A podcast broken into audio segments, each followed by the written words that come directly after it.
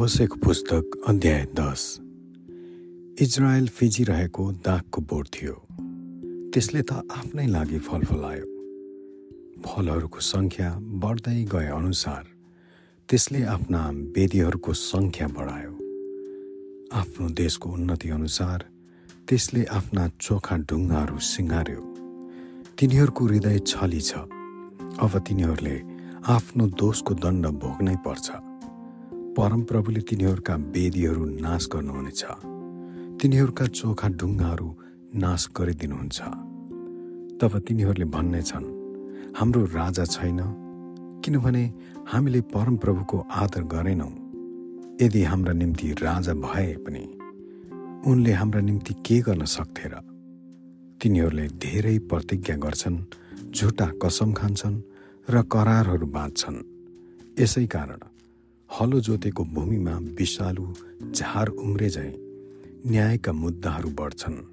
सामरियामा बस्ने मानिसहरू बेत आवनका बाछाको मूर्तिको लागि डराउँछन्। त्यसका प्रजाले त्यसको निम्ति शोक गर्नेछन् र त्यसका मूर्ति पूजक पुजारीहरू जसले त्यसको गौरवमा रमाहट गरेथे तिनीहरूले विलाप गर्नेछन्। किनभने त्यो तिनीहरूबाट प्रवासमा लगिएको छ। ठुला राजाको सौगात स्वरूप त्यो असुरमा लगिनेछ इफ्राइम लाजमा पारिनेछ। इजरायल चाहिँ आफ्नै काठका मूर्तिदेखि लज्जित हुनेछ। सामरे र त्यसका राजा चाहिँ पानीमाथि बग्ने काठको टुक्रा चाहिँ बगी जानेछन्। इजरायलको पाप अर्थात् दुष्टताका अग्ला अग्ला ठाउँहरू नष्ट हुनेछन्। तिनका वेदीहरूमा काँडा र सिउँडीहरूले ढाक्नेछन् तब तिनीहरूले पहाडहरूलाई भन्नेछन् हामीलाई छोप अनि डाँडाहरूलाई भन्नेछन् हामी माथि खस। हे इजरायल गिबाको समयदेखि तैँले पाप गर्न सुरु गरिस् र अझै त्यसमा लागिरहेको छस्। दुष्ट काम गर्नेहरूका विरुद्धमा लडाइँ के गिबामा तिनीहरूलाई भेट्टाएनन्?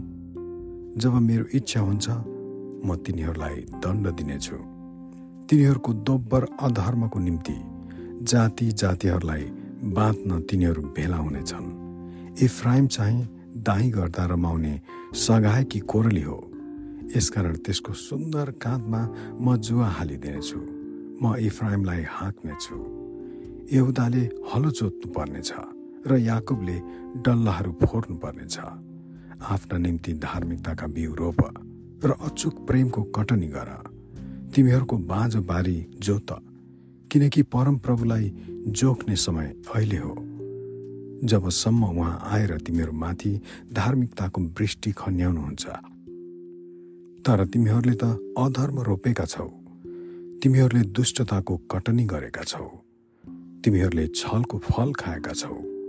तिमीहरूले आफ्नै शक्तिमाथि भर परेका र आफ्नै योद्धाहरूमा भर परेका हुनाले तिमीहरूका प्रजाको विरुद्धमा युद्धको गर्जन उठ्नेछ र लडाइँमा सलमनले बेत आर्बेललाई नाश गरे झै तिमीहरूका सबै गढीहरू नाश गरिनेछ जुन समयमा आमाहरू आफ्ना नानीहरू सँगसँगै टुक्रै टुक्रा पारिए यसरी हे बेथेल हो तिमीहरूको अन्त्य दुष्टताले गर्दा त्यो आइपर्नेछ। त्यस दिनको उज्यालो हुँदा इजरायलका राजालाई बिल्कुलै सर्वनाश गरिनेछ। आमेन।